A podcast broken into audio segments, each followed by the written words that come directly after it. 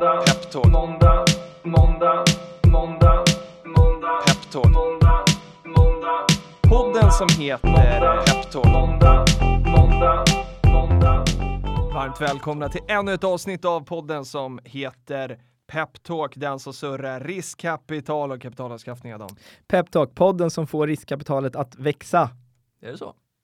Nej, kanske inte. Nej, jo, nej men det kan vara det. Eh, något som eh, växer i alla fall eh, är eh, bolag som heter Train Alliance. Eh, plingade till i mobilen precis när vi gick in i studion. Eh, Train Alliance för alla som har eh, eh, lite koll på Peppins vet att den handlades på alternativa listan här till och med i augusti.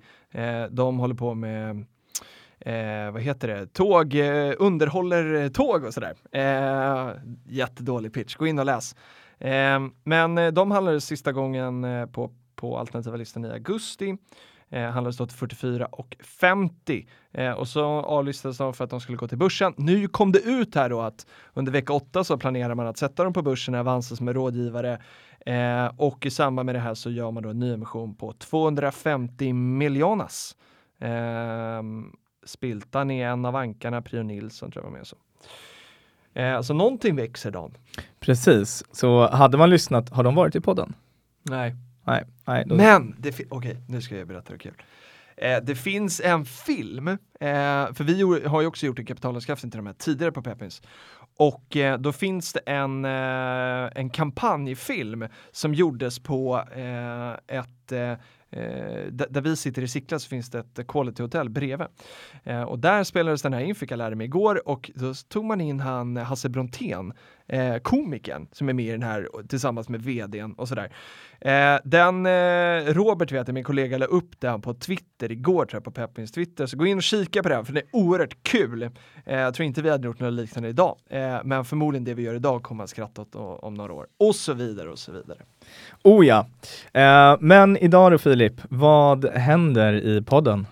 Idag så får vi hit en gäst som eh, heter Niklas Storåkers. Eh, Niklas Storåkers eh, är, han är lite av en idol för mig. Eh, det, det, vågar man ju inte erkänna sen när han är här på plats, eller så ska man göra det.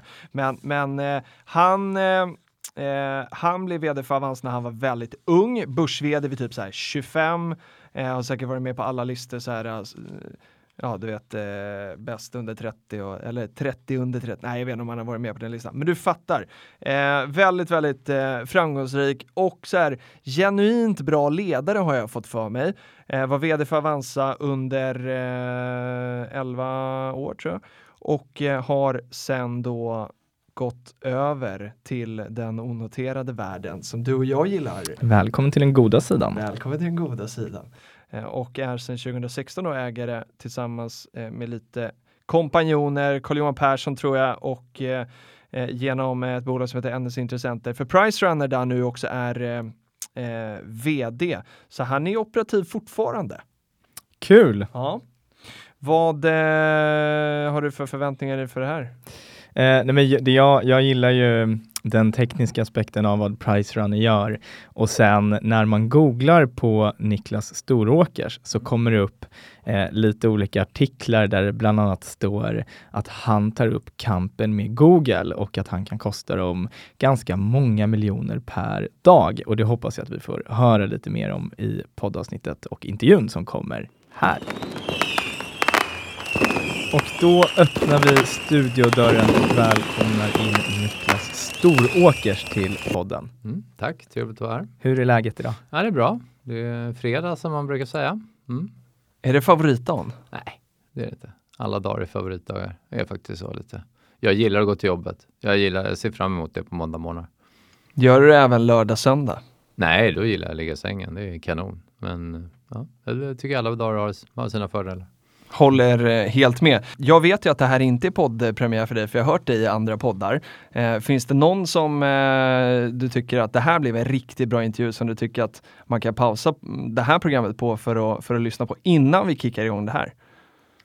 Ja, jag vet inte. Jag vill inte recensera mig själv faktiskt, utan det får faktiskt andra göra. Jag vet inte det, det här ska väl bli kul? Ja, men jag tycker Ja, det. ja, men. Eh, men eh, vi, vi kommer ju fokusera ganska mycket på ja, men, eh, investeringar, riskkapital och sådär. Hur är det egentligen att, att röra sig utanför eh, den kända börsen som, som många fokuserar på sådär. Eh, så vill man ha mer det fokuset så, så finns det några andra som ställer de frågorna lite mer så. Mm. Om vi tar första frågan sådär, var, var kommer ditt intresse för finansmarknaden ifrån?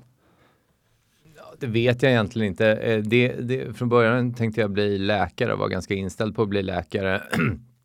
Men sen en, en, en vecka innan man skulle få antagningsbesked så eh, fick jag panik. Då var jag, jobbade jag, sommarjobbade jag i Frankrike, jag var 17 år. och ringde min brorsa som var i Sverige. Allt var inte så digitalt och milt uttryckt och bad honom kan du ändra och sätta Handels i första hand eh, och eh, så tar vi läkarlinjen längre ner. Och det gjorde han, lyckades få igenom, så, då- så då blev det handel. Så det var nästan lite av en slump och det, det är nog både jag och, och mänskligheten glad för att jag inte blev läkare, för det har jag inget tålamod för. Vad, är det de långa operationerna som skrämmer dig mest? Nej, nej, idag är det nog det för att jag är ganska harig vad gäller människoblod. Annat blod har jag lite mindre problem med om man fiskar eller så. Men, Mm. men människoblod är jag rätt harig kring. Så att det, ja, det och sen har ju inte jag någon särskilt bra lyssnare heller så att eh, det, det behöver man nog vara som läkare. Och, och vart kommer det här intresset för det digitala i, i finansmarknaden? Som Ja, alltså finansmarknaden är, är, är för mig är det, det, det mitt, mitt genuina intresse är inte för finansmarknaden eh, utan det är för att göra bra saker för, för människor och för konsumenter. Och det var ett, ett, ett, en, en röd tråd genom Avanza och även nu på, nu på Pricerunner. Så jag, jag, för mig är det otroligt viktigt att göra någonting som jag är stolt över och kan stå för. Sen finns det i finansmarknaden en, en eh, jag brukar säga att det är sällan revolution i finansbranschen, men det är alltid evolution. Alltså allt går ganska sakta. Men det går framåt. Det finns en dynamik som är ganska intressant. Eh, men, men då jag började med det jag gjorde då så, så var ju så. Kunderna var ju någonting som man, som man tjänar pengar på, ingenting som man hade fokus på på det sättet. Inte alls. Och det har ju förändrats enormt mycket. Så att det här att göra liksom riktig kundnytta har ju alltid varit eh, viktigt för mig. Är det, är det Sven Hagström som fick in det på kundnyttan eller var det du som planterade det hos honom? Nej, jag, jag, För han är också en st- stark förespråkare ja, av det precis. ordet. Nej, men jag tror ingen, ingen av oss kan, kan eh, ta åt oss äran av att påverka den andra, men jag tror att det är lika viktigt för oss båda, genuint. Och eh, under många samtal, under de liksom massvis med samtal vi hade dem under de 12 åren som jag var på Avanza sedan starten och sen då fram till 2011 så talade vi väldigt sällan om aktieägarvärde och hur vi optimerade det, nästan aldrig faktiskt, utan det var otroligt mycket produkt. Så aktiekursen eh, förhoppningsvis följer med kundnyttan då på något Ja, sätt. det är, det är i min värld gör den det. Eh, och som du är inne på här så var det över tio år eh, liksom börs också från, från unga år. Eh, och sen dess har det varit både eh, som operativt och som investerare då liksom utanför börsen. Om vi ska liksom försöka jämföra de här två världarna lite grann. Eh, vilka är de största skillnaderna eh, med den noterade och den onoterade miljön? Men det är ganska stor skillnad. Jag har ju båda de perspektiven som som, eh, som vd och operativ i ett, i ett onoterat bolag som är förhållandevis stort och ett eh, noterat bolag. Det, det, är rätt, det, det, det finns väsentliga skillnader. Men sen också som investerare så är det ju väldigt stor skillnad. Så man, man kan börja från lite olika perspektiv. Mm. Men tar man från investerarperspektivet så är ju, upplever jag börsen ganska sönderreglerad eh, av alla regler som krävs och det fokus man måste ha i en styrelse och i, i ett börsnoterat bolag och som investerare. Eh, så att jag tycker att det finns betydligt mer spännande möjligheter inom den onoterade marknaden. Sen ska man ju också säga att den onoterade marknaden är ju per definition mycket, mycket större. Om man bortser från att börsnoterade bolag, vissa utav dem har ju jättestort börsvärde, men om man ser till antal bolag som man kan investera i så är det mycket, mycket större. Och där, jag var på ett seminarium igår faktiskt där, där man pratade just om det här med, med regleringarna eh, på börsen och att det, det har varit väldigt drivet av ur, ja, men från ett investerarperspektiv, att man ska skydda eh, investeraren så mycket och så har man liksom glömt bort bolagen i det här. Eh, upplever du även att de här reglerna på börsen eh, problematiserar för oss som investerare? Ja, men absolut. Det blir ju fel fokus i bolagen. Alltså, det, det, det finns ju en väldigt eh, självklar och, naturlig grund till det här. Det är att man vill skydda investerarna, man vill skydda de små investerarna, man vill motverka insiderhandel och så vidare. Allt det där är jätte, jätteviktigt. Men någonstans har, har, har, har det slagit över fokus lite på oerhört mycket regler och processer. Jag är ju van med det för att jag har ju varit, eh, vd för en bank i 12 år. Mm. Och där reglerna, Ännu värre. Ja, det, det, är- det är hundra gånger värre än, Ja. än börsreglerna. Ehm, men, men trots allt så är det ganska mycket fokus på regler. Men sen är ju den stora skillnaden och det, det är väl ingen ny, ny, ny information men du har ju möjlighet på ett helt annat sätt att ta tuffa beslut och göra förändringsresor i onoterad miljö än vad du har i noterad miljö. De, de som försöker vara teoretiska kring det där, de säger att ja, men det spelar ingen roll, det är bara förklara för investerarna, men det är en alldeles för enkel sanning. Men och, och, och är det just att i, i börsmiljön så är det så genomlyst att du måste berätta om de här tuffa besluten? Är det det som hindrar den där? Ja, det är ju en kvartalsekonomi och då, då, då fick ju, det är väl en sak som Sven i och för sig har lärt mig, lärt mig att många korta sikter blir en lång sikt. Mm. Och det, det, det tycker jag väl i och för sig, det, det är något väldigt komiskt över det, men det, det ligger någonting i det för att eh, du bygger ju upp till exempel att ha en fokus på vinstfokus på kort sikt gör ju att du får en fokus och lönsamhetstänk på lång sikt så det etablerar ju en kultur utifrån det.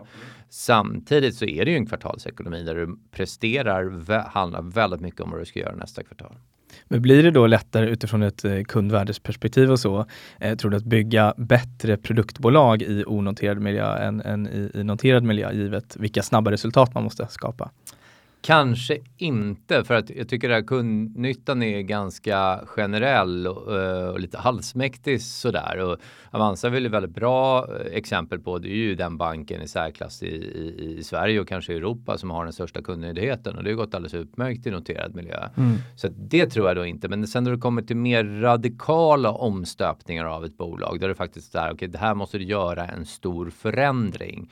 Då passar det ganska illa i noterad miljö. För det, det är ofta så, tittar man ännu mer på digitala bolag och jag kan se på Pricerunner till exempel att det man tror tar ett år tar ofta tre år. Och där är ju börsen ganska skoningslös för de resorna. Och är det, även om alltså alla börs säger, eller många i alla fall, att så här, nej, men vi tittar inte på aktiekursen och sådär. Eh, och, och ändå då om man, om man får stryk, du som ändå har varit där, eh, tror du att det här är, är det ljug helt enkelt? Påverkar kurserna börs Jag tror inte att det är ljug, men jag personligen skulle eh, vara väldigt försiktig med att investera i bolag där vdn inte tittar på aktiekursen. Mm. Så jag tror att det finns de vd som tittar mycket på aktiekursen och jag tror det är de som faktiskt inte, inte tittar så mycket på det. Och de som inte tittar så mycket på det bryr sig nog inte så mycket heller. Nej. Jag tror det. Så det, det, det, är, det är något eh, det är lite fördärvande det där man sitter och kikar på en siffra hela dagarna. Det gör man ju inte naturligtvis. Men man håller koll på den på dagsbasis i alla fall. Exakt. Det, det känns ju, vad är det här för fokus och sådär. Men, men det ligger någonting i att man ändå förstår vad är det som investerare i, i, i, i den här miljön faktiskt värdesätter. För att man är satt där och har ett ansvar. De som struntar i aktiekursen, jag har träffat några sådana som egentligen inte tycker det där är jätteviktigt och de är sällan framgångsrika som börs Intressant. Vad är det de missar då?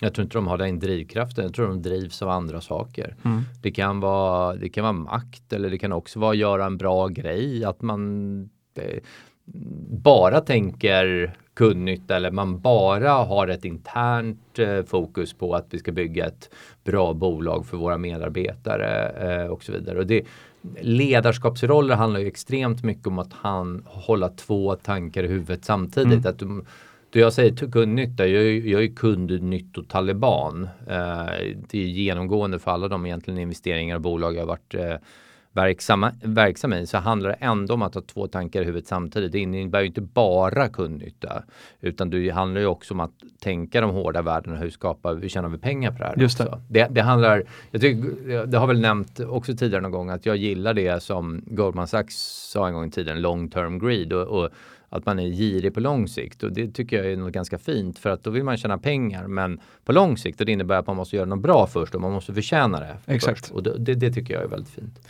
Och är det någonting som du eh, personligen tycker är roligt, jag menar, om vi går tillbaka då några år med Avanza att vara med och utmana finansmarknaden eh, och nu med, med Price Runner så är ni ju på olika sätt och framförallt om vi går tillbaka, blir det ungefär ett och ett halvt år, hur ni också varit med och nu utmanat Google och, och deras position. Eh, är det någonting som, som triggar dig där att driva den typen av förändring? Jag tror det, för jag, dels har jag ett ganska stort rättspatos så att jag tycker det är viktigt när, när, när, när, någon, jag står gärna på den, jag ska inte säga svagare sida, men är ju ganska ofta på konsumentens sida och vill, liksom, och, och vill göra bra för dem som inte har liksom lika mycket styrka eh, och sådär. Eh, och, eh, och, och rätta till det på något sätt. Så där är det rättspatos. Eh, och eh, sen det andra är att jag, jag, jag, jag är lillebror så jag är yngst då, så jag har yngre äldre syskon så att jag, jag har ett auktoritetsproblem absolut. Så jag har inget problem för att utmana dem som är större oavsett eh, om det är att, att, att brottas med stora äldre syskon som jag gjorde när jag var liten eller, eller, eller med större bolag. Mm. Jag, jag tycker det är ganska kul också. Verkligen. Det är, det är häftigt. Man är ju, för det skapar nog mycket liksom kundnytta i det att, eh, att utmana oss. Senast också, eller senast kanske, men, men en av de här är eh, appen Hedvig som jag sett i tunnelbanan den här veckan om man bor i, i, eh, i Stockholm är också en sån utmanare får man väl ändå säga. absolut, inom, inom sakförsäkring och det är superspännande. Det är alltså hemförsäkring Precis. då, en, en ny aktör. Det, det, det är det mest speciella finanssegmentet och jag har egentligen hållit på i de flesta segment inom finansbranschen både med sparande och, och, mm. och, och lån och eh, pensionsförsäkringar, allt möjligt.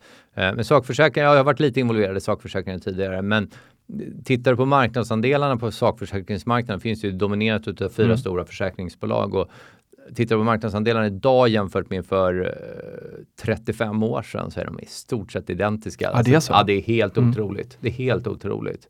Så att det, det, det är en otroligt oligopol. Ofta så riktas ju fokus på storbankerna och gud, de är inte bra och så vidare. Och så. Men ofta är försäkringsmarknaden egentligen mycket värre. Så där finns det en stor potential.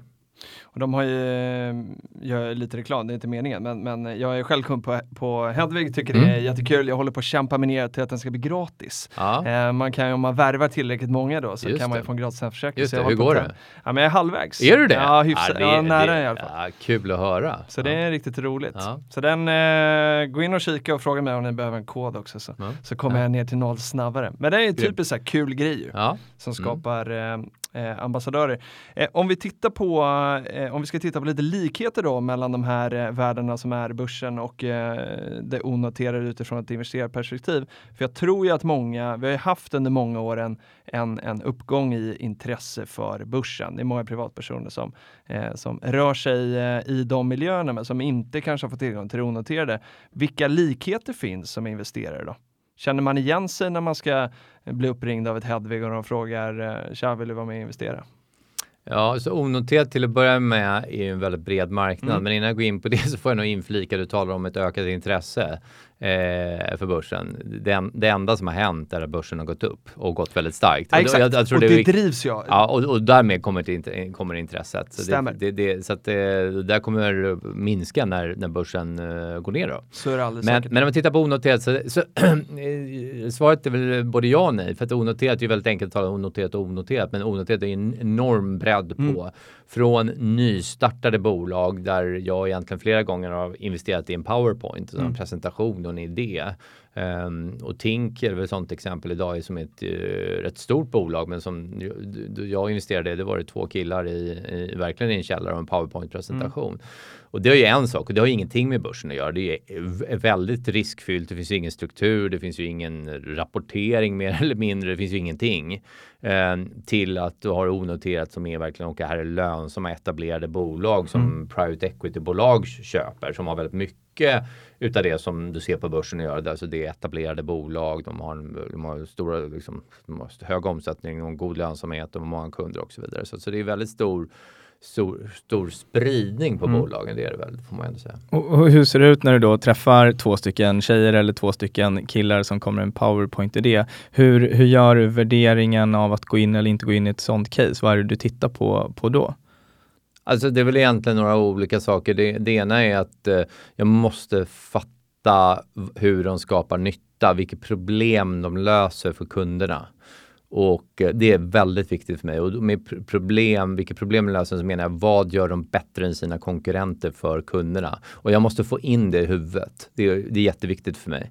Eh, det är det ena. Så om, och, och Hedvig var liksom typiskt exempel på det och Tink också och Pricerunner också. Så jätteenkelt. Och sen, sen så handlar det också om vilka eh, personer jag träffar. Och jag, jag gillar mycket att investera i team snarare än en enskild person. Mm.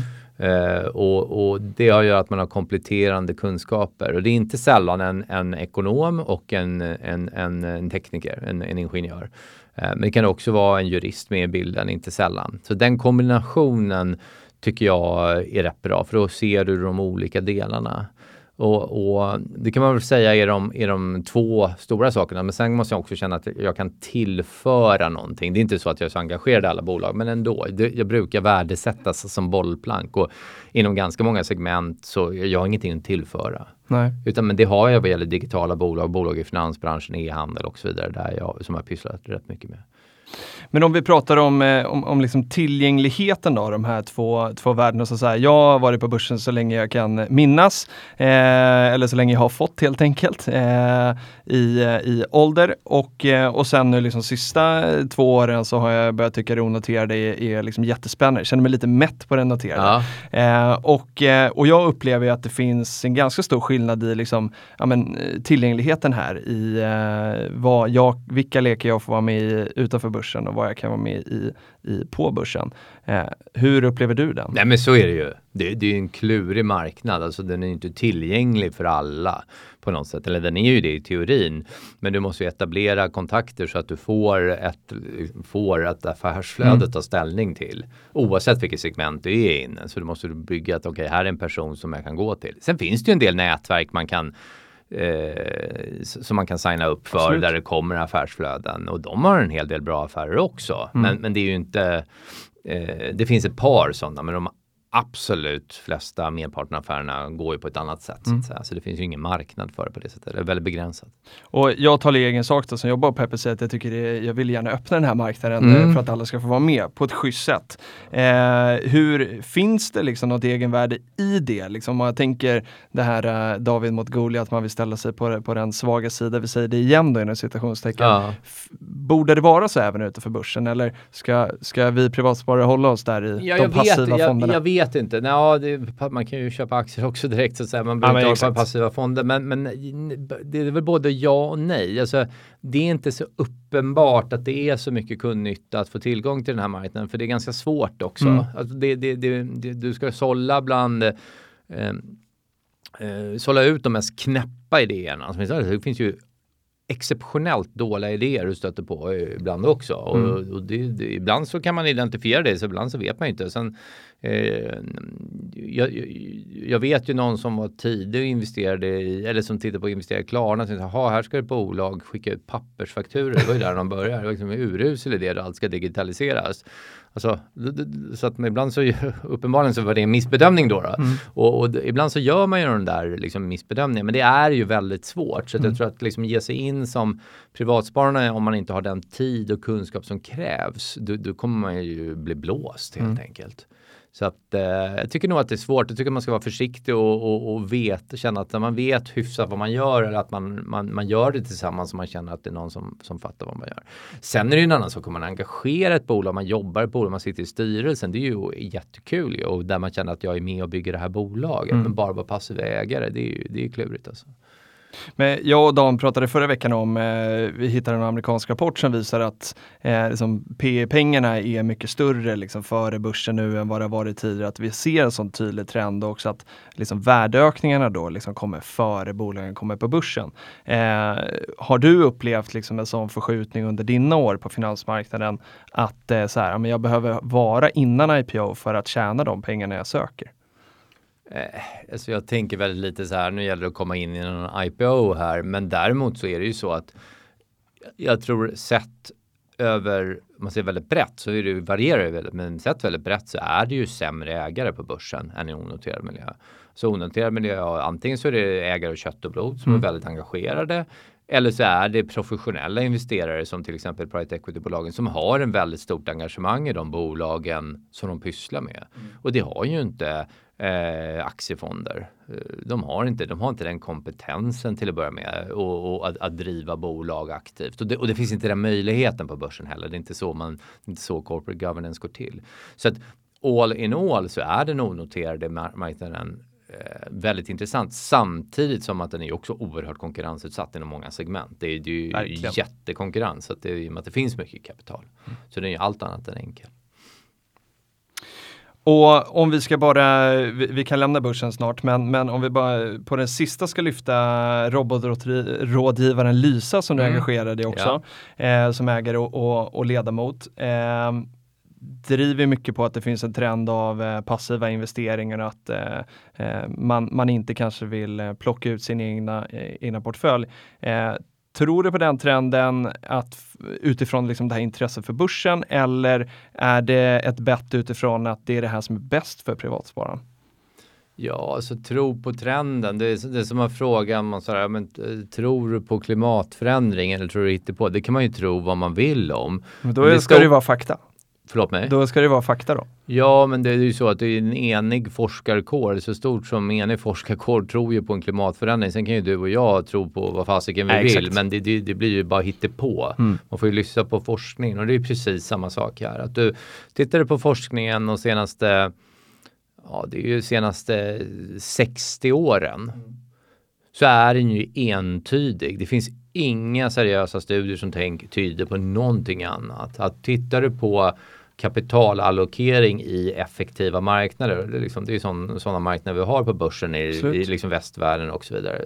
Eh, och, och, även Asien förstås. Men, men, men eh, eh, tittar du på kapitalallokering där så visar det sig att, att alltså passiv indexförvaltning slår och, och, och, att sprida dina risker slår alla annan förvaltning riskjusterat också om man har låga avgifter. Mm. Och att det finns en negativ korrelation mellan avgifter, alltså höga avgifter och avkastning. Och det, mm. det, det, det, det är en entydig bild så det här finns ingenting att tro om. Nej. Utan ska du placera dina pengar så är på kort sikt, ett år eller fem år, så finns det jättemånga saker som kan gå bättre. Men då är ett bolag som Lysa det absolut sättet, bästa sättet att placera din, ditt långsiktiga sparande. Idag så upplever jag Lysa som både den bästa och billigaste och jag talar verkligen egen sak. Mm, men jag har mm. återigen engagerat mig väldigt mycket för att det också ska bli så. Bästa och billigaste eh, sparandet som finns överhuvudtaget.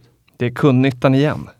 Ja, men det är kundnyttan och det är ju också och den tycker jag, den här tycker jag är en, en, en fantastiskt vass eh, produkt för den som inte vill hålla på och, och, och, och handla aktier själv och tror att man ska spöa börsen på det sättet. Mm. Och det är ju, jag kan verkligen se och, och, och, utifrån det du beskriver också hur bra det är på, på sparandesidan och så. Eh, ser du att det påverkar att eh, bolagen över tid kommer få en sämre kvalitet när eh, om vi kanske får fler passiva ägare genom stora indexfonder, färre liksom ägare av, av kött och blod som är aktiva och lite som du sa här tidigare, som är duktiga på att bygga bolag även på, på börsen? Ja men det, det, det alltså passiva indexfonder eller indexfonder, de kommer, de är här för att stanna och bli större. Eh, sen är det inte den enda ägaren som kommer finnas på börsen. Naturligtvis kommer det finnas ägare av kött och blod och andra stora institutioner. Men min poäng är ju att att uh, aktiva fonder är ju inte särskilt, de är ju i praktiken passiva också om mm. du tittar på de storbankernas fondbolag och så vidare. De tillför ju inget värde. Så att de tar väl sitt ansvar för att sitta i nomineringskommittéer och så vidare som något annat tillför de ju inte. Så att jag tror inte det är någon skillnad på, det enda skillnad mellan en förvaltare som Lysa och eh, en, en storbanks fondbolag det är att det är billigare för, för, och bättre för, för, för spararen. Härligt med tydliga svar, det gillar vi. Det är ja. det man vill ha för det skapar eh, härlig dynamik i, i Tycker jag att det är så tydligt? Vad sa du? Tycker du att jag är så tydlig? Jag tycker du är jättetydlig. Ja, ja, jag tycker det är många som svävar i såna här ja, okay. och man ska liksom gulla okay. med alla. Så jag tycker du är jättetydlig. Fortsätt så. Mm. Eh, jag tänkte vi ska snacka lite Price Runner. 2016 mm. så uh, köpte NS Intressenter det här bolaget mm. uh, och du är VD. Vad var ambitionen med Price Runner då? Ja, men jag tycker det var så otroligt häftigt. Det var ju verkligen ett drömcase. Uh, jag tittade ett antal år på något nytt för jag var väldigt sugen på att göra något nytt operativt. Jag älskar att eh, jobba med begåvade unga människor. Jag tycker det är otroligt roligt. Jag tycker det är kul att jobba med digitala tjänster. Jag tycker det är otroligt kreativt mm. och jag är någorlunda bra på det. Uh, och det här fanns ett bolag som en, gång, en, en gång i tiden startades i Sverige 99 så det, det, det är över 20 år gammalt. Så det, det är Härlig år, tid! Ja, men det, det är många år för ett digitalt bolag. Och Eh, men som, som startades i Sverige men sen så ägdes det av amerikaner som inte gav det så mycket kärlek och det är mer än tio år. Mm. Eh, så grund och botten så är det ett jättefint bolag men som var underinvesterat när vi tog över det. Och just den här investeringsresan som jag talade om tidigare som är ganska svår att göra i noterad miljö, det har vi gjort. Så att vi har, och den är vi nog igenom nu vågar jag påstå. Och, eh, det tog sina tre år av hård investeringar, hårda investeringar, lägre vinster eh, och stora utmaningar för att bygga eh, världens mest älskade shoppingjämförelsetjänst och det är vår ambition. Mm. Det finns vi inte över hela världen, men det finns i Sverige och Danmark och Storbritannien. Och eh, växer på ganska bra nu, så det, det är jätte, jättekul. Så att, och det här är ju definitionen av kundnytta. Den, den europeiska eh, e-handelsmarknaden är ungefär 500 miljarder euro, det beror på lite hur man räknar. Eh, och, eh, så det är en jättemarknad och det Mm. finns få bolag där man verkligen hit, man kan jämföra produkter och man kan jämföra priser och hitta de bästa dealarna. Så det är en väldigt strategiskt intressant pos- position samtidigt som man hjälper konsumenter att köpa bättre produkter som håller längre, en tv som är bättre anpassad efter dina ändamål och också betala ett lägre pris.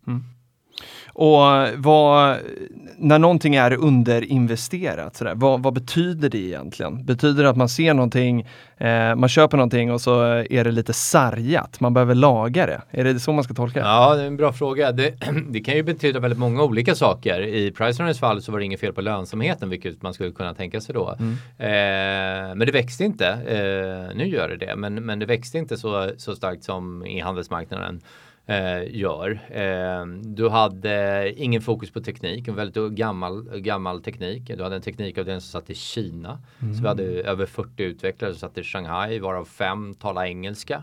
Eh, och produkten är Sverige och Danmark och Storbritannien. Du kan tänka sig, de var jätteduktiga men du kan tänka dig ändå hur mycket engagemang har de i produkten? Då de inte använder produkten varje dag. Eh, sånt tror jag är väldigt viktigt och att de inte heller har kompisar eller vänner som använder produkten.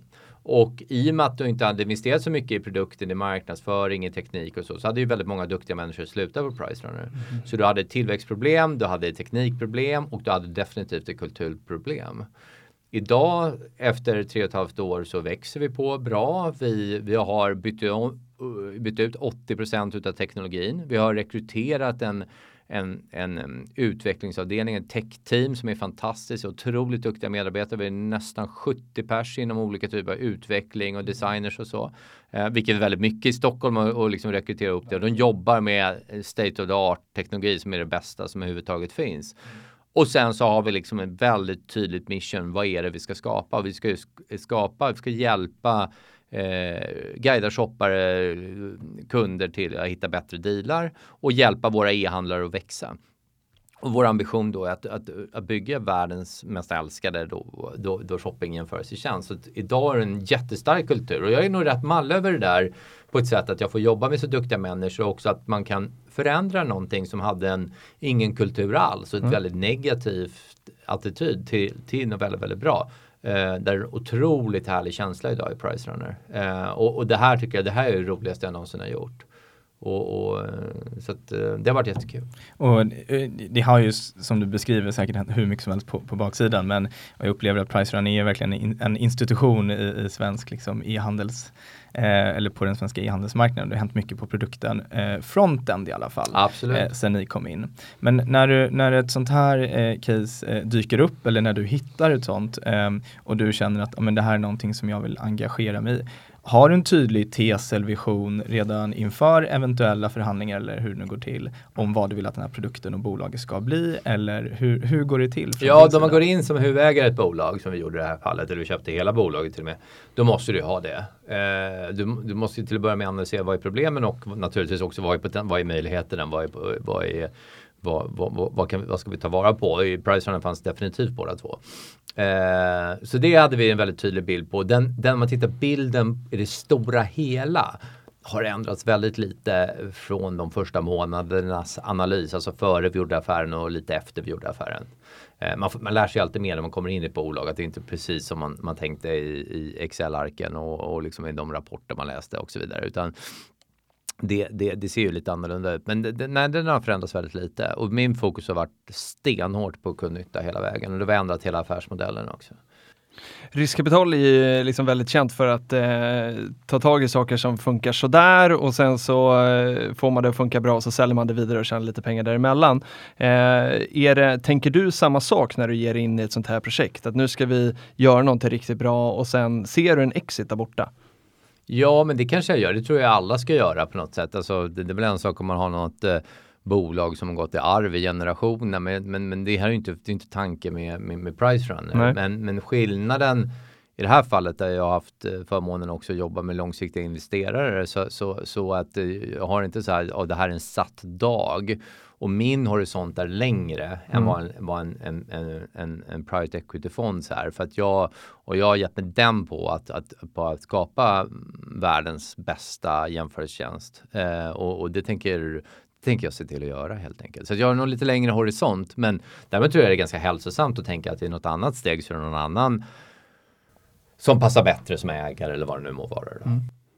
För det känns ibland som att man pratar mycket så fint om det här, att det finns ingen liksom, tidshorisont, det här är för alltid och allting ska vara så bra liksom, jämt. Men det kanske inte funkar så i verkligheten. Nej men för alltid, återigen, så, så det är en sak om det ska gå i arv. Någonstans, men ja men Ikea det, är ju en sak. Ja, det är Ikea mm. en sak och det finns ju andra bolag. Det, och så kan man ju ha det. Eh, men även de bolagen förr eller senare kommer ju komma in i en sån förändringsprocess.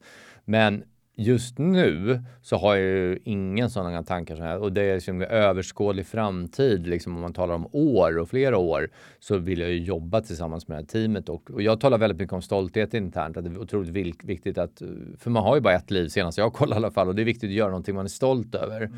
Och, och, det vill jag göra med mina kollegor och sen när vi känner att okej, okay, men nu börjar vi bli klara här, då, då, då är det väl en annan sak. Då kanske någon annan ska liksom komma med ny inspiration, men det, det är nog långt kvar dit just nu, är vi är i nuet här nu.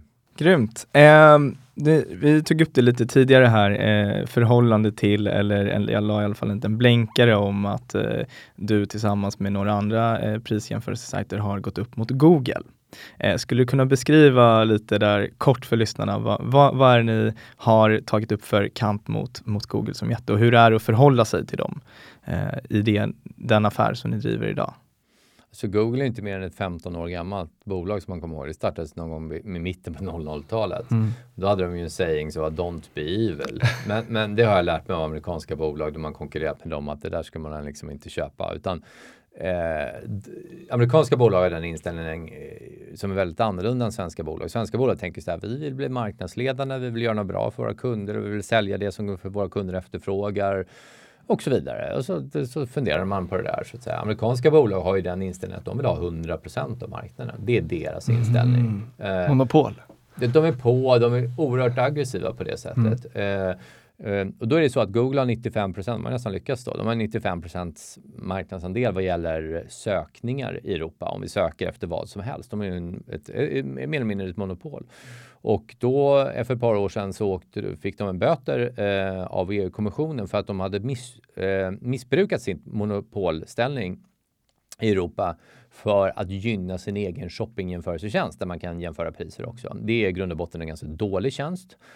Um, vi har gjort en stor studie med, med uh, fyra stycken andra jämförelsetjänster i Europa där det visar sig att Googles priser är i snitt 12-13% högre än de priser mm. du hittar hos oss. Och eh, det här innebär att eh, europeiska konsumenter får betala tiotals miljarder euro för för mycket i för höga priser helt enkelt på grund av att man använder Google. Och det är egentligen samma sak som vinster för deras del, för de tjänar väldigt mycket pengar på de här, den här annonseringen. Mm. Den här så kallade prisjämförelsetjänsten som de har. Då. Och eh, så får man inte göra, att man gynnar, om man har en monopolliknande ställning så, så får man inte gynna sin egen eh, annan näraliggande verksamhet. Det har de gjort. Sen åkte de på en, en, en dom av EU-kommissionen men sen har de bara fortsatt. Och vi driver stenhårt mot eh, EU-kommissionen och mot Google att Google ska ge fan helt enkelt i att göra det de gör. För det, det förstör konkurrensen. Eh, det förstör för europeiska konsumenter som eh, får betala för höga priser. Um, och det förstör möjligheten för, för europeiskt riskkapital. Alltså USA har ju den fördelen att de amerikanska bolag börjar ju per definition med en stor marknad. Så lyckas de med sin hemmamarknad som är stor som Europa mer eller mindre, mm. slarvigt uttryckt då, så är det väldigt lätt att gå vidare till några andra kontinenter. EU-tanken är ju trots allt lite mer teoretiskt. Man börjar ju inte som bolag. Vi talade om en del nystartade bolag här tidigare som Hedvig och Lysa och så vidare. De börjar ju i Sverige, de börjar mm. ju inte i Europa. Det är, det är, olika språk, det är olika valutor, det är olika regelverk. Och det har USA en otrolig fördel. Mm. Och det innebär också att de här plattformsbolagen är, är eh, väldigt mycket kommer från USA. Alltså Facebook, eh, Netflix, Google eh, Apple och så mm. vidare, mm. Amazon. Eh, så att det, det, är ett stort problem med de amerikanska dominanterna med deras inställning. Så att vi, det, jag tror att europeiska myndigheter i slutändan kommer knäcka Google, men eh, vi är inte där än, så det är en hård fight. Men det, även om det är ett eh, förhållandevis ungt bolag då, så är det ju, det beskrivs ju ofta liksom som en jätte. Är man någonsin liksom rädd när man går upp mot en sån här jätte? För det, det tycker jag ibland att media försöker visa att det, det, här är som en jätte som krossar det de vill krossa. Eh, och vilka är pricerunner då? Så kan man ju nästan utläsa det. Är du någonsin rädd? Precis, och även då specifikt inom e-handelssektorn så har man ju pratat om Amazon här och Mm, deras inträde mm, i Sverige och mm. Amazon som redan i USA äger en väldigt stor andel av produktsöken i alla fall. Mm. Jo, eh, det finns företagsledare som säger, ja men jag är visionär, jag tänker bara så här på vad vi skapar och tänker inte så mycket på riskerna. De ska man ju vara väldigt försiktig med eh, att investera bakom. För att det gäller att vara väldigt paranoid som ledare. Du måste både tänka på möjligheterna det du skapar men också riskerna i det du gör. Så att om du frågar om jag är rädd så tycker jag att det är mitt jobb att vara rädd. Eh, det, det är naturligtvis det är den viktigaste trafikkällan för Pricerunner och det är den viktigaste traf- trafikkällan inom e-handel. Det är Mm. Google. Och i andra marknader så är Amazon den viktigaste trafikkällan. Så det är, det är klart att man ska eh, ta hänsyn till olika saker. Eh, men vi känner oss nog rätt trygga i det vi gör. Och eh, det kommer ni se mer av också. Det, var så säkra. Spännande. Ja, men det ska bli kul, att eh, kul att följa Pricerunner vidare. Om vi hoppar tillbaka lite till eh, eh, investeraren Niklas så, eh, så vill jag eh, liksom landa lite i det här du pratar om team. Vi, eh, alla gäster som är här så brukar vi fråga så här, vad tittar du på när du utvärderar ett bolag? Eh, och eh, väldigt många nämner just liksom teamet och du har gjort det här också. Så min enkla fråga är, vad är ett bra team då? Ja, det, dels är det ju kombinationen eh, av människor och olika kompetenser som jag är inne på. Så rent konkret, alltså en ekonom och en ingenjör är bättre än två ekonomer Mm. och vice versa. Mm. Och en jurist, ekonom och en ingenjör gör ju att du har ett litet bolag. Så kan det vara andra, det kan vara läkare också. Det beror Visst. på vad det är för tjänster. Men om vi talar generellt. Dels det. Sen så, och som enas kring en idé företags, en affärsidé som jag också förstår hur den skapar värde för konsumenter. Men sen så finns det en sak till och den har jag funderat mycket på. Eh, för jag brukar höra, eller jag har hört några gånger att ja, men, många av de investeringar du har gjort i onoterat har gått bra och otroligt. otroligt. Jag har inget bra svar på det, eller de kanske kommer, kommer gå dåligt så det kanske löser sig. Men det är någonting med blicken att den här liksom drivkraften som man måste ha, den övertygelsen som man måste ha. Jag träffade någon entreprenör för några veckor sedan som hade en rätt bra idé men där blicken saknades. Och, och det är någonting med driven, jag kan inte säga vad det är, eh, som måste finnas där också. Och det är bara en känsla då egentligen? Det är en sista en känsla. Mm. Så det, det, det är väl egentligen att förstå idén, varför den skapar nytta för kunderna och, så här, och varför den skapar mer nytta än, än de andra tjänster som finns, vilka problem det löser alltså. Att ha kombinationen av ett team med olika eh, kompetenser och att du har att du ser en glöd som inte bara är intellektuell i blicken. Då löser det sig ofta. Mm. Och om man eh, vänder på, på bordet, eh, vad ska jag som entreprenör titta efter när jag väljer investerare och skiljer sig det eh, beroende på i vilken fas mitt, mitt bolag är? Oerhört mycket, Jätte, jättemycket. Och det är ofta så att de första pengarna är de svåraste. Och tar vi Tink till exempel och tog in pengar där, det var ju i stort sett omöjligt att få in 5 miljoner kronor. Och, och, och, och det tog jättelång tid och alla tackade nej och de hade väldigt goda skäl allihopa. Det var efter jag hade gått in då. Och sen så, nu tog man väl in 90 miljoner euro tror Exakt. jag eller vad det var. Eh, och det, det är ganska enkelt det. Om jag, om, om jag överdriver lite. Men, men så är det verkligen. Ja. Så att det, Och värdera till eh, Ja, Massa pengar. pengar. Massa Ja, pengar. Och, och, och eh, det, det, det är väl så att, att eh, eh, det, det är svårt i början. Det finns väldigt få riskkapitalister i de absolut tidigaste faserna. Eh, som är verkligen så här pre-seed och jag Mm. kan inte alla de här begreppen men jättetidigt i alla fall. Där finns det inte riskkapitalister. De vill gärna se att bolagen har kommit en bit och sen börjar de intressera sig. Så det är väldigt mycket friends and family. Det är privatpersoner som vill prova vingarna och investera och sådär. Så att det blir lite så det finns inget bra det finns inget riktigt bra sätt att börja den marknaden. Sen efter ett tag, och det är ofta efter liksom en eller två kapitalrunder, då börjar man titta, här kan man faktiskt gå ut till riskkapitalister beroende på potentialen i affärsmodellen. Sen kan jag tycka också att riskkapitalister, det många träffar dem är man måste också som, som entreprenör förstå deras agenda. Och då man väl kommer in i dagens klimat med den ekonomi vi har, det tempo vi gäller digitalisering, så mycket framgångsrika bolag vi haft i Sverige som har blivit internationella, Spotify, Klarna, vad som helst. Eh, gör också att många riskkapitalister har en egen agenda att de skapar ett nytt Spotify. De är mm. väldigt sugna på att nu ska vi ta det här till massor med marknader. Det är inte säkert att det är bra för bolagen. Nej. Och, och, det tycker jag är väldigt viktigt att ha med sig. Att det, det finns en egen självförverkligande agenda som jag tycker att man ska vara lite skeptisk till när man kommer till riskkapitalister. Men vem är det som äger förhandlingsbordet idag då? För det är, eh, man kan läsa om att det är hög riskaptit och du nämnde själv att det finns mycket pengar i rörelse och sådär. Vem, vem är det som äger förhandlingsbordet när man sitter där riskkapitalist mot entreprenör? Ja, det beror helt på case det. Det beror helt på case och momentum och vilka dialoger och vilka alternativer man har. Jag tror att eh, eh, det här är ju skickliga affärspersoner inom, liksom, om man tittar på eh, riskkapitalbolag. Eh, ser de att de har en situation där de kan eh, vara starka i förhandling kommer de vara det. Eh, och, men ser de att det här är ett case som är superspännande, här gäller det inte krångla till, det här gäller bara att hänga på, då gör de det. Så att eh, det, det, det, det, går nog inte att säga tror jag. Och, och, och någonstans så börjar vi, jag tycker, vi, jag tycker det finns mycket som tyder på det, att vi börjar närma oss en, en, en, en utrensning lite i, i bland, eh, inte riskkapital kanske, men mellan olika bolag. Jag tror att det är någon slags sämre konjunktur som vi börjar närma oss. Jag har säkert fel i det, men det, jag tycker det finns sådana signaler där man kommer sålla hårdare mellan vad är bara ja, det är många liksom, nedladdningar och användare men det finns ingen modell här för att tjäna pengar. Och vad är riktiga affärsmodeller? Det kommer sållas hårdare tror jag inom mm. något år eller två. Om man tittar på Tink då. Tink har ju eh, Eh, du får rätta mig om jag har fel, men från början kändes det som att Tink var väldigt mycket för mig som eh, privatperson. Jag skulle kunna hålla koll på eh, mina utgifter och konton i massa olika ställen. Idag känns det som att den appen är en testbänk och att man jobbar liksom business to business.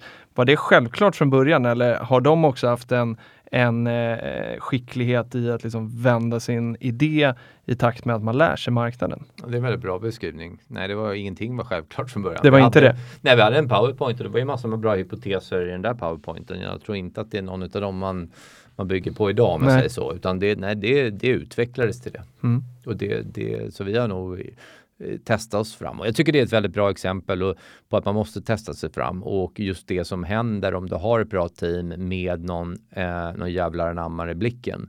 För då hittar man ofta sådana, de där vägarna. Det måste i grund och botten finnas en bra marknad och någon slags medvind, annars är det svårt. Men, men finns det det att man kan lösa ett problem, då, då brukar det lösa sig. Hur aktivt tittar du på nya investeringar? Ja, inte så mycket. Jag tittar på lite löpande och sådär, men jag fokuserar framförallt på, på, på Price Runner och eh, ägna min energi väldigt mycket åt mina liksom, befintliga bolag. Så, så det, det, är inte så mycket men, men absolut löpande ändå. Och vad, eh, du var inne på lite tidigare här, men har du någon endgame för, för Price Run? Liksom, vad, vad ska du uppnå för att känna att du, du är riktigt stolt över det, det uppdraget och det bolaget? Mm. Nej men det är att bygga världens bästa shoppinginförelsetjänst. Det låter kanske, okej okay, men nu säger han något jättefluffigt som ingen fattar. Men jag fattar det. Jag vet vad det innebär ungefär. Eh, jag tycker det är häftigt inom e-handel. Idag så jämför vi två miljoner produkter. Från Sverige tror jag 6 000 butiker.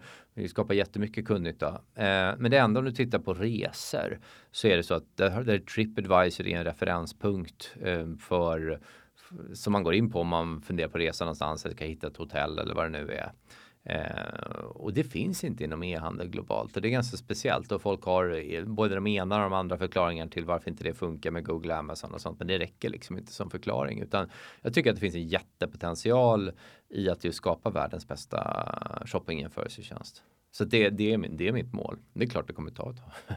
Och om vi ska göra, jag vet att det finns många som lyssnar på den här podden som eh, är intresserade av att ändå pröva sina vingar liksom utanför börsen med investeringar, kanske som entreprenör också, men om vi fokar som, eh, som investerare, eh, har du några sådana här uh, dos and don'ts som, eh, som du vill skicka med? Du har ju lyft några, men finns det, har du själv gjort några misstag utanför börsen som investerare som du känner att så här, det här kan jag berätta för folk att gör inte om det här. Gå inte på den här niten. Jo, men det har jag absolut gjort. Eh, så jag har min fair share av, av, av sämre investeringar, investeringar också naturligtvis. Eh, jag, jag, tror att man ska vara försiktig med de här väldigt tidiga faserna. Eller i alla fall veta vad man ger sig in på. Att kanske inte man, kan, man ska lägga pengar som man har liksom, som man har råd att förlora. Mm. Om man ger dem i en tidigare fas. De är väldigt, väldigt riskfyllda. Och gör man det och har en möjlighet att titta på sånt case så måste man också ha pengar i fickan kvar för att det blir oftast en, två, tre, fyra, fem, sex och sju till emissioner. Mm. Och, och, det gäller alla de här bolagen. Det, det drar, alltså då väl det fun antingen fungerar inte, då behöver bolaget pengar och då kanske man behöver vara brutal och tacka nej. Mm. Eh, men går det bra, då ska många bolag gasa, då kostar det verkligen pengar. Mm. Så, så, att man, man ska inte eh, bränna allt krut på första investeringen, även om det är billigast då så att säga. Det är svårt att hitta det här guldkornet som eh så blir det Spotify eller vad man nu ja, vill. Men, ja, men det tog väl jättemånga år innan Spotify tjänade pengar. Menar det. Så, så, att, så, att, då, så då var det naturligtvis fantastiskt. Men, men, men de som var med från början där. Men, men typiskt sett så blir man utspädd längs vägen. Och det, man kan inte vara med hela vägen även om det blir framgångsrikt för det blir för dyrt. Men det kan vara bra att orka med en eller två runder till i alla fall. Bra. Om du ska ge ett råd till någon som, som är ung och, och vill göra en, en, karriär som entreprenör och investerare, vad för råd skulle du ge till den unga personen då? Bli entreprenör och inte investerare. Nej men lite så. Jag menar, vara ung och vara investerare. Det, det, det, det, det ung och aldrig ha ett vettigt jobb låter det som. Det, det, det, det låter ju jättedumt. Investering, investerare, investerare kan ju vara senare. Eh, eller under tiden. Ja, eller under tiden möjligtvis då. Men, men, men då tycker jag det är viktigare att börja som entreprenör och, och lära sig bolag och, och antingen att man om man verkligen startar eget är en sak, då kan man göra det. Då kommer man lära sig otroligt mycket på det. Och livet där är ganska långt ändå, så så mm. bråttom behöver man inte ha med det. Sen så är mycket av de, de stora bolagen, de, de skapas ju av unga människor. Mm. Det är för när man är ung så är man naiv, då tänker man hur fan svårt kan det här vara? och det är ju alltså naivitet är en av de viktigaste ingredienserna för att vara, bygga ett framgångsrikt bolag. Det tror man ju då kanske inte, men, men, men det är ju det. Så att det är ingen slump att det, det är inte så att Facebook och Google startades av uh, några pensionärer direkt utan tvärtom. Så att, så att eh, jag, tror, jag tror man ska pröva sina vingar eh, som entreprenör om man är sugen på det när man är ung. Men och, och, för dig som operativ vd då för Pricerunner, eh, det har ju, om vi tittar på handelshögskolor och sådär, alla ska bli entreprenörer idag. Är det en, eh, om vi generaliserar, är det en utmaning eh, när man liksom har ett bolag som Pricerunner, man ska rekrytera de bästa talangerna? Är det en utmaning att att eh, de unga idag ska göra sina egna resor och inte vill vara på bolagen och göra resor tillsammans med dem. Jo, men det, kan ju, det, det är ju hård konkurrens eh, om kompetens. Sen så tror jag att Pricerunner eh, jag upplever att vi, vi, befinner oss i en väldigt spännande fas mm. där väldigt många vill vara med utav den resan. Så att vi har lyckats bygga upp då jätteduktigt, alltså en utvecklingsavdelning på 70 pers. Det är inte så många Nej. i den här storleken av bolag som har lyckats rekrytera så många människor, om något faktiskt. Eh, så det är en spännande fas. Men när du är lite mer en mogen fas, då är det tufft. Mm. Eh, men, men, men det är tufft för oss också. Alltså du, du, du anställda, du talar förut om en, vad är liksom förhandlingsdynamiken mellan investerare och entreprenörer. Så, så var det ett svar. Men tar du mot, mot medarbetare då så är det klart att eh, medarbetare, de har väldigt, jag tackar mina medarbetare ofta. Mm. Och det är för att de, de har ju väldigt många val. Jag är otroligt smickrad att de vill arbeta med oss, mm. med den delen det vi har. För, och det menar jag verkligen, för att de har väldigt många alternativ. Då. Och med det, jag vet att Dan har eh, säkert någon fråga till i alla fall. Jag tänkte ställa min sista och den bygger på det. Eh, jag är intresserad av att förstå vad är en bra kultur för dig? För att jag eh, känner Avanza väl sen eh, liksom både som investerare, jobbade där ett tag, har koll på den kulturen eh, och gissar att många av de här bolagen som du jobbar med, eh, ja, men så har du lyckats bygga en härlig kultur. Hur lyckas man med det och vad är det? Vad är den här bra kulturen för något? Det, det, det, det bör, I grund och botten så är det att göra en bra grej för kunderna. Mm. För att många gillar att signa upp på den resan och, och, att, och förstå det här att jag kan, skulle inte kunna jobba med gaming eller eh, någonting liknande för det är inte bra. Och, och, och men folk, många förstår ju att de bara har ett liv och de vill göra någonting de är stolta över och just därför många har ju många olika val som var inne på tidigare. De har ju mycket att välja mellan. Så väljer man gärna det. Eh, där börjar det. Tillsammans med, ska jag säga, en tydlighet vad gäller ledarskapet. Eh, tror jag är jätteviktigt att sätta tydliga mål. Vart ska vi? och eh, som måste bygga på ett purpose. Va- va- varför ska vi göra det vi gör? Gör det rätt bra tillsammans med att du är närvarande som chef, då, är du, då, då skapar du en ganska bra kultur. Jag upplever nog det. Det, här, det är inte så det är inte så komplicerat. Jag tror att det går att göra faktiskt i de flesta bolag. Det, och, och med det sagt skulle jag aldrig jobba i en stort bolag och det tror jag är en helt annan utmaning. Det verkar jättesvårt. Men, men om jag talar om mindre bolag. Ja. Så receptet är ganska enkelt men det kräver Ja. sin kock ändå. Det kräver sin kock. Mm. Det gör det. Det gör det. Det, det, det, är ett, eh, det är ett hårt arbete och det där med kultur har ju inget värde alls om du inte lever den varje dag och agerar därefter. Då. Bra, jag har väl ungefär 40 000 frågor som jag skulle vilja ställa, men vi börjar närma oss en, en timme här och vi ska försöka hålla oss till, till ämnet eh, huvudsakligen riskkapital och kapitalanskaffning. Så de tekniska frågorna om Price Runner får vänta. Eh, men en sista fråga då eh, till dig Niklas. Vad, vad är du mest exalterad över just nu? Och du får välja fritt. Jag allra mest exalterad är, är nog över eh, vårsäsongen som tyvärr kommer. Jag är lite dämpad kring det här med klimatet som Mm. alla andra och det är trist att vi inte har någon vinter. Men eh, redan nu så har blåmesen, talgoxen börjat sjunga. Jag tyckte jag hört nötveckan. ehm, och större hackspett. Jag är fågelskådare och eh, Mm. våren är den bästa säsongen. Så jag älskar fågelsången. Härligt. Japp, det blir lite naturutan här så ni. Mycket häftigt. Vi har, eh, du, vi får ta tillbaka, till, eller ta tillbaka dig till podden och snacka både fåglar och eh, Mm. allt med. Skjuter du Ja. dem också? Eh, det kan hända att jag gör. Ja. ja. Men, eh, Jag gillar vara i naturen. Folk gillar som är ute och jagar, de brukar säga att de gillar att vara ute i naturen. Jag gillar att döda när det kommer till att, till att jaga. Men jag, jag fågelskådar mer. Jag gör inte båda samtidigt, det skulle vara lite bisarrt. Vad är det häftigaste med att liksom titta på fåglar? Och Ja, men- skåda, vad gör man? Tittar Nej, man i boken och försöker Ja, nej, men det är ganska mycket. Men, men eh, det, det är kul, det är ganska svårt. Det, det, de är otroligt vackra. Du upplever dem med alla sinnena. Du ser dem, du hör dem. Eh, nej, men det är, och, framförallt hör du dem på våren och så här försommaren och så är fantastiskt. Så det, det, det, det, det är en meditativ eh, yogakänsla över det. Häftigt! Ja. Då har vi något att sätta upp på bucket list för 2020 helt enkelt. Ja, det finns en svarthalsad trast i Kista just nu. Så ni Ja. kan, kan ni börja med. Då har ni ett, Bra. ett eh, väldigt eh, avancerat kryss ni börjar med. Häftigt. Ja, I Akalla menar jag. I Akalla, Akalla, ja. Akalla, ja. Då har det är vi helgen på oss innan Ja, de stora massorna kommer dit och podden släpps. Ja, Exakt. ja, absolut. Så det gäller att sticka först. Stort tack Niklas. Tack.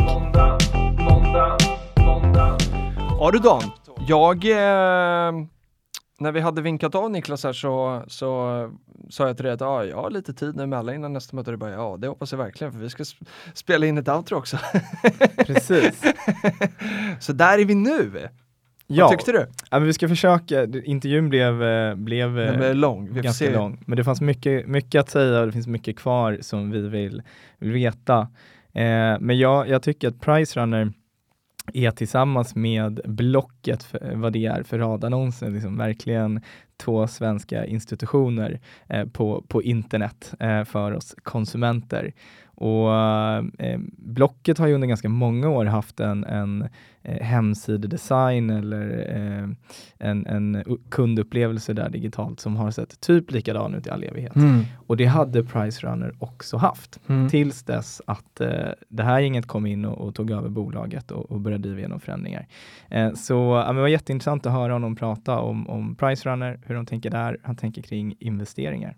Vad eh, tar du med dig från det här avsnittet? Nej men jag, jag håller helt med dig. Det fanns, eh, det fanns, det var svårt också att förbereda det här avsnittet för att det finns liksom säkert med många personer, men Niklas i synnerhet så fanns det, ja, men det finns så mycket man kan dyka in på. Ska vi prata kundnytta? Ska vi prata om eh, hur man investerar utanför börsen? Vad är det för skillnad på börsen och, och det onoterade? Och, eh, det härliga med honom som jag, som jag också uttryckte var att säga, jag tycker han, han ger enormt raka svar. Det är tydliga besked som man skulle kunna recensera en politiker.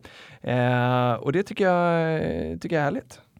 Ja, Verkligen, jag tycker att han, eh, ja men det var, var intensiva minuter där i, i studion tillsammans. Ja, vad fint. Och eh, om man är nyfiken på att eh, hålla koll på vad som händer i den här podden så ska man förutom att prenumerera på kanalen som man ju gör när man lyssnar på den eh, också gå in på Instagram. Vad hittar man där? Precis. Eh, på vår nya Instagram som heter Peppins Peptalk så delar vi med oss av lite artiklar som vi refererar till här i podden. Vi lägger upp lite bilder från studion eh, och sådär. Och vi hoppas och tror att du kommer kunna hitta mycket kul inspiration om du är intresserad av riskkapital och kapitalanskaffningar. Men eh, och vill du komma i kontakt med oss, förutom då på Instagram, så kan du också mejla till oss på peptalk.peppins.com eller skriva till oss då eh, på, även på Twitter går det, men då går vi under handen join peppins. Eh, ja, prenumerera på podden. Prenumerera på podden, det gör man eh, där du lyssnar. Och sen ska vi också säga att eh, podden produceras för Peppins. Inget av innehållet ska ses som finansiell rådgivning. Investering i aktier är förenat med risk som innebär att man kan förlora hela eller delar av det investerade kapitalet. Um, och uh, ja, vi har, uh, vi nämnde lite bolag i den här men inga som jag tror att det är känsligt som vi behöver disclosa våra innehav i. Jag berättade att jag är kund i Hedvig och uh, det är jag stolt över. Jag ska ner till noll bara så att jag inte behöver betala för det. Så vill du hjälpa Filip komma ner till noll? Skriv så. till mig så kan du få en kampanjkod. Hörni, ha en fin vecka. Ha det bra, hej. hej.